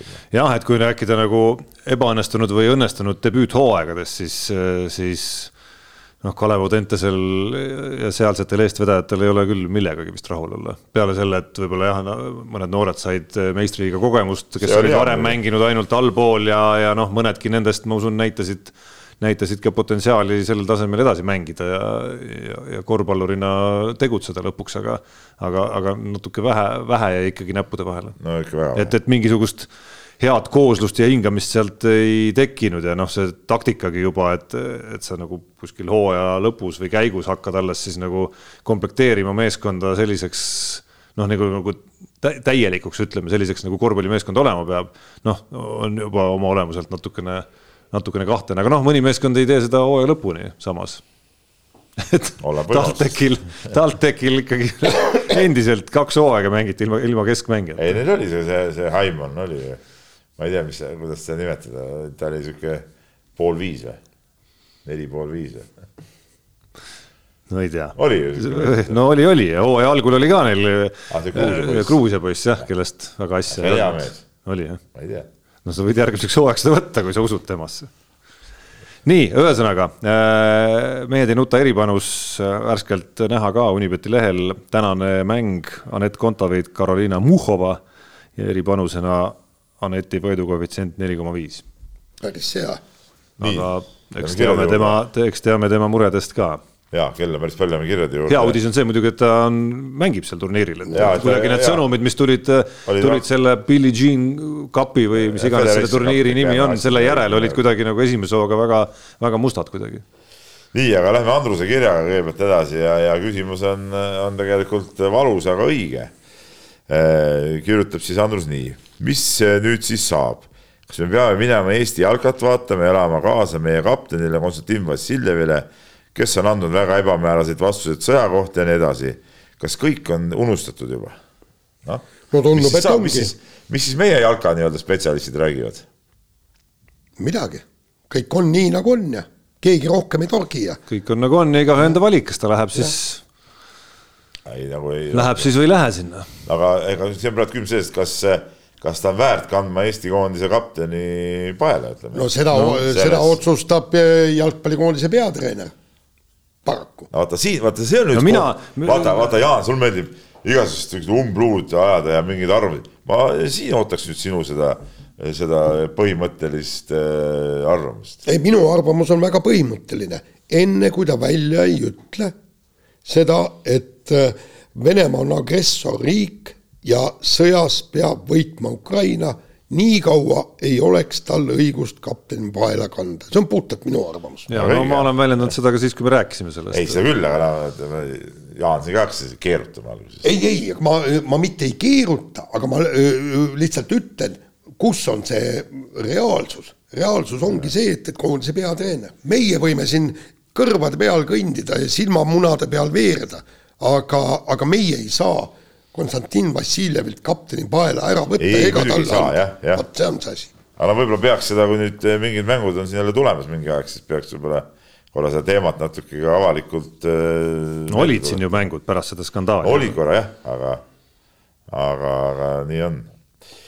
nii, aga kirjutab meile siis Holger ja küsib siis äh, sina, Tarmo, käisid ka sellel mängul ja kuidas sinuga nagu oli, ma nagu muu nagu suunan natuke seda küsimust küsimus selline, et Keila-Tartu eile mäng näitas ära, et Peebu sõna Keilas ei maksa, mis muidugi on nagu vale, eks ole muidugi. sest mina kiitsin heaks selle käigu. et, et kuidas sai ta lubada poole sellist meestemurdet nagu Silvia Ilves oma tšelloga poiste kallale. Peep peaks ju taipama, et nii noortele poistele, nagu tal tiimis on, on selline asi ohtlik.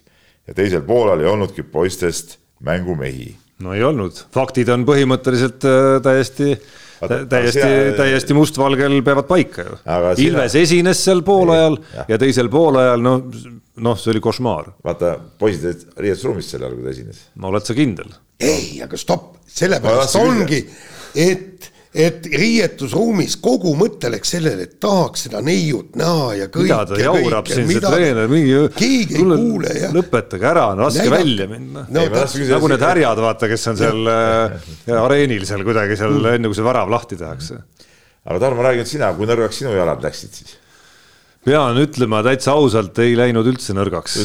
kui sa nüüd äh, paned käe südamele, siis sa tunnistad ka üles, ma arvan, et ma käisin siin natukene äh, kuidas öelda, nagu intrigeerimas, kritiseerimas natukene, et mis asi see nüüd vaheajal ikkagi nagu oli. sa ei käinud mind. korralikku. ei, vastupidi, mina tulin üks päev tulin toimetusse, tulin sinu laua juurde. no tulid minu laua juurde, okei okay., aga juba siis ma võtsin käinud. teemaks selle, et, et, et mis, mis vahevala nüüd see siis nagu ikkagi oli, et, et ikkagi võiks ju sellist no korralikku ja jätkata seda vestlust veel, no võiks ikka mingit korralikku ma ei tea, korralikku levimuusikat sinna panna, korralikku rokki ja korralikku rokki ja. meil eelmine kord oli üks äh, räpipoiss seal, laulis seal ka.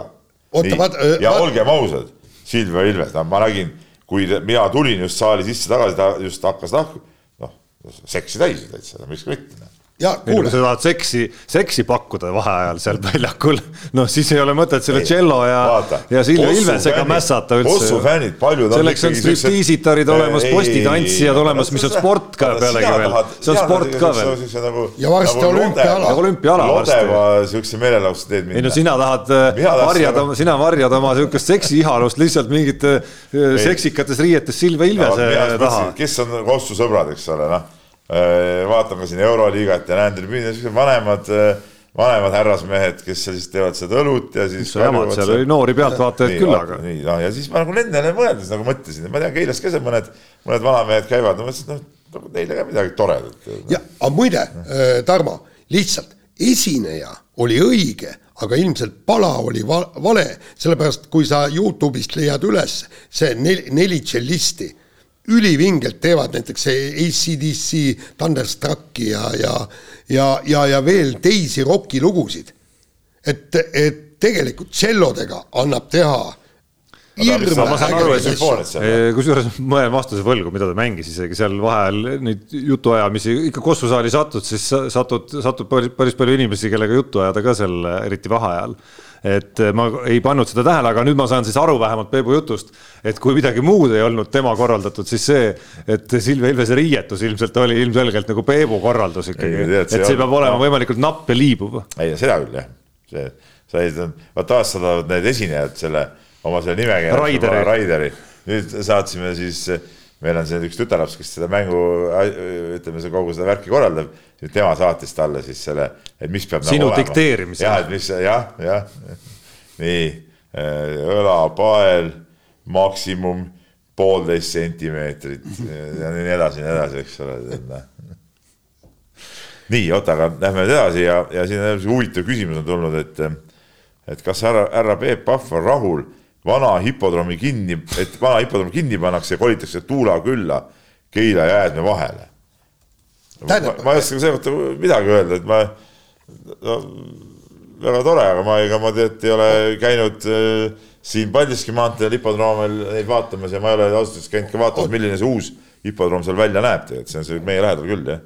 jaa, aga tähendab, probleem on selles, et, et need hobused ikkagi väga väga ei huvita, tegelikult ei huvita üldse, aga kui oleks hipodroomi kasutatud hipodroomi sõitudeks, mida millegipärast ei tehtud, kas meil on Eesti meistrivõistlused hipodroomi sõidus autodelegi oli, ralliautod vanasti olid ja, ja, ja, ja vot, vot siis oleks küll küsimus tekkinud, kui iga aasta oleks seal kuskil neli-viis nagu varem oli, eks, et motovõistlust hipodroomil, vot siis oleks küll jama, et mis te. aga siin küsimus on edasi, aga kuidas üldse on Eesti hobuspordiga praegu no, seis? Peep, ma saan aru, et sa oled ekspert ikka. ei vaata, mina arvan, ma suunan selle nagu Jaanile, et, et Jaan nagu tavaliselt tegeleb selliste küsimustega ei ole viimasel ajal tegelenud, kuna, kuigi kunagi ma olen, ma olen ikka ratsavõistlusi kajastanud. mina ka käinud, siis kui oli see MK etapp kusagil seal, mitte see, mis oli Saku Suurhallis, vaid mis oli seal Veskimetsa ratsapaaris, see oli ka MK etapp.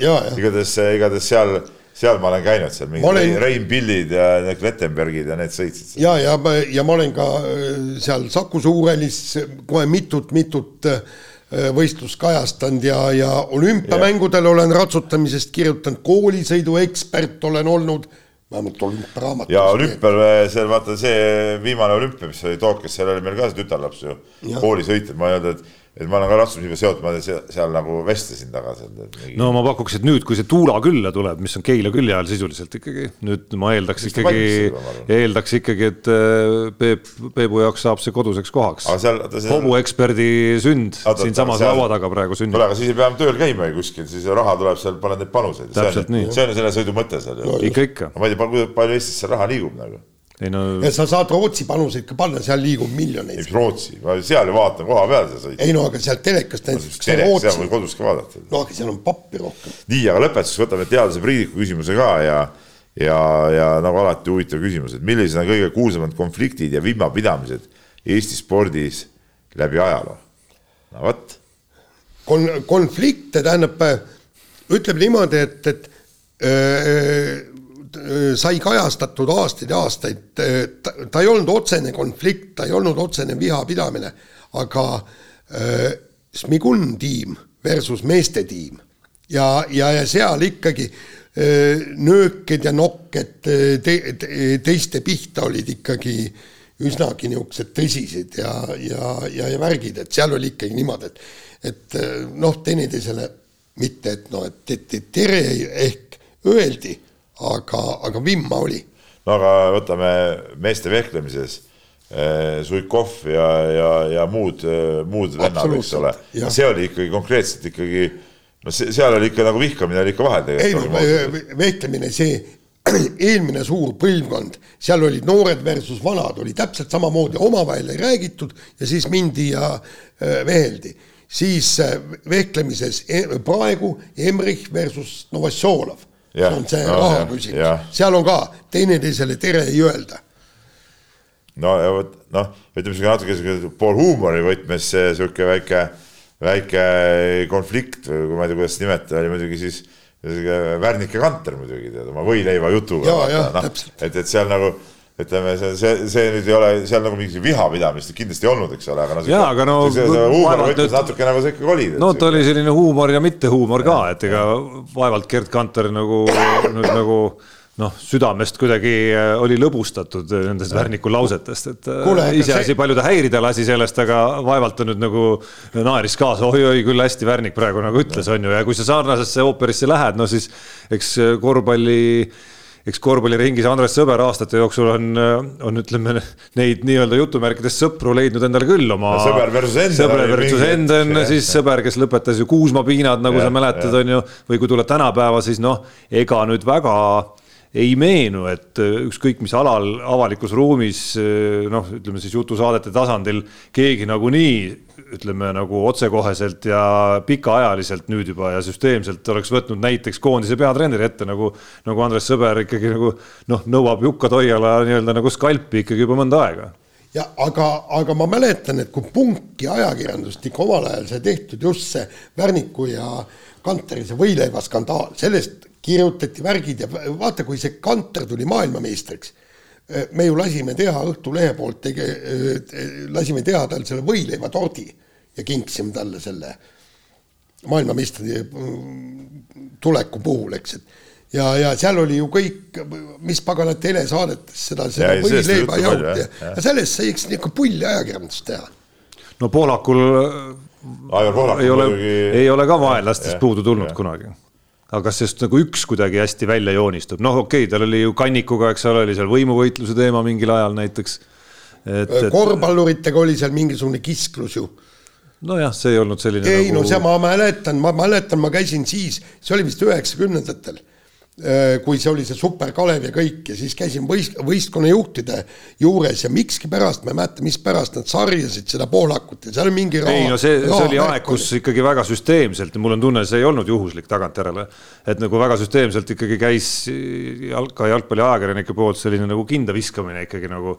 et korvpall oli tähelepanu mõttes ikkagi tol ajal ju noh, pjedestaalil ja. Švede ja Vaapa vaheroll, ütleme seal just, selle võitluse eh, rindel, kui me rääk- rääkisime korvpallist, siis ütleme, mis kuigi, konkreetselt. kuigi ega olgem ausad, ega nad lõpuni valejuttu ka ei rääkinud, et eh, mis puudutas korvpalli noorte tööd toona, siis eh, eks neil oli õigus ka omajagu oma kriitikaga aga, aga jalgpalli nad vaatasid jälle liiga idealistlikult, et sealt ju ka midagi lõpuks välja tulnud. aga mis asjast rääkida korvpallist veel ja ütleme siis konfliktidest, üks, üks oluline konflikt, mis nagu mõjutas väga palju, ütleme siukest nagu seda klubi korvpalli tasemet ka oli siis ikkagi see Sooniku Salumetsa nii-öelda nagu tülli minek ühel hetkel, et see, see, see mõjutas ikkagi päris, päris äh, kõvasti ja kuigi nad ikkagi ju jätkasid koostööd ka ei, ja siis, siis läks see, see klubide koondise teema läks minu arust pärast seda läks ju laiali või seal kuidagi see, võib-olla mäletad ka juba valesti neid asju, nii ammused asjad, see oli kuskil üheksakümnendate, üheksakümnendate lõpupoole oli see vist või? kui see tekkis see klubide koondise ja see ja Salumees tahtsid, et oleks kõik koos ja seal tekkisid mingid, mingid siuksed teemad, midagi, midagi ma nagu mäletan, tead noh. No ja siis ikkagi eh, kaks tuhat üks EM-il eh, Kuusma versus eh, Üllar Kerde, eks ole, noh, noh et, et mis ka mõjutas koondist. no mis mõjutas, mis päädis sellega, et su meeskonna, no Eesti korvpalli ikkagi nagu noh, ikooniline mängija jäi ühelt Eesti korvpalli ajaloo kõige tähtsamalt turniirilt eemale. jah ja kõige rohkem perse läinud turniirilt lõpuks. nojah, ma olen Üllariga palju rääkinud ja, ja ta on nagu valgustanud neid, neid turniiri eelseid, neid asju ka, mis, mis jamaga siin tegeleti ja kui, kui, kui valesti asju tehti, et no seal nagu on nagu mängida treenerid nagu, nagu raske, raske süüdistada. ja me muuseas seda, seda preemiat, mida Mart Laar toona seal lubas, ei ole nad siiamaani kätte saanud jah, noh, kuigi, kuigi sealt kuule, oota, Mart Laar oli ju Eesti Panga nõukogus. ja mõtlesin ka, et sealt saad raha võtta siis no,, käid seal pangas kogu aeg, tead noh. no täpselt. võta välja ja anna ära see raha. jah, võta sealt seifist kaks-kolm sentimeetrit igale mehele ja. keegi pole tähelegi seda. jah. noh, nii. ja nii see käib täpselt täpselt nii. vot, kuule, aga lõpetame ära nüüd vist. lõpetame saate ja kuulake meid järgmine kord. mehed ei nuta saate tõi sinuni Unibet, mängijatelt mängijatele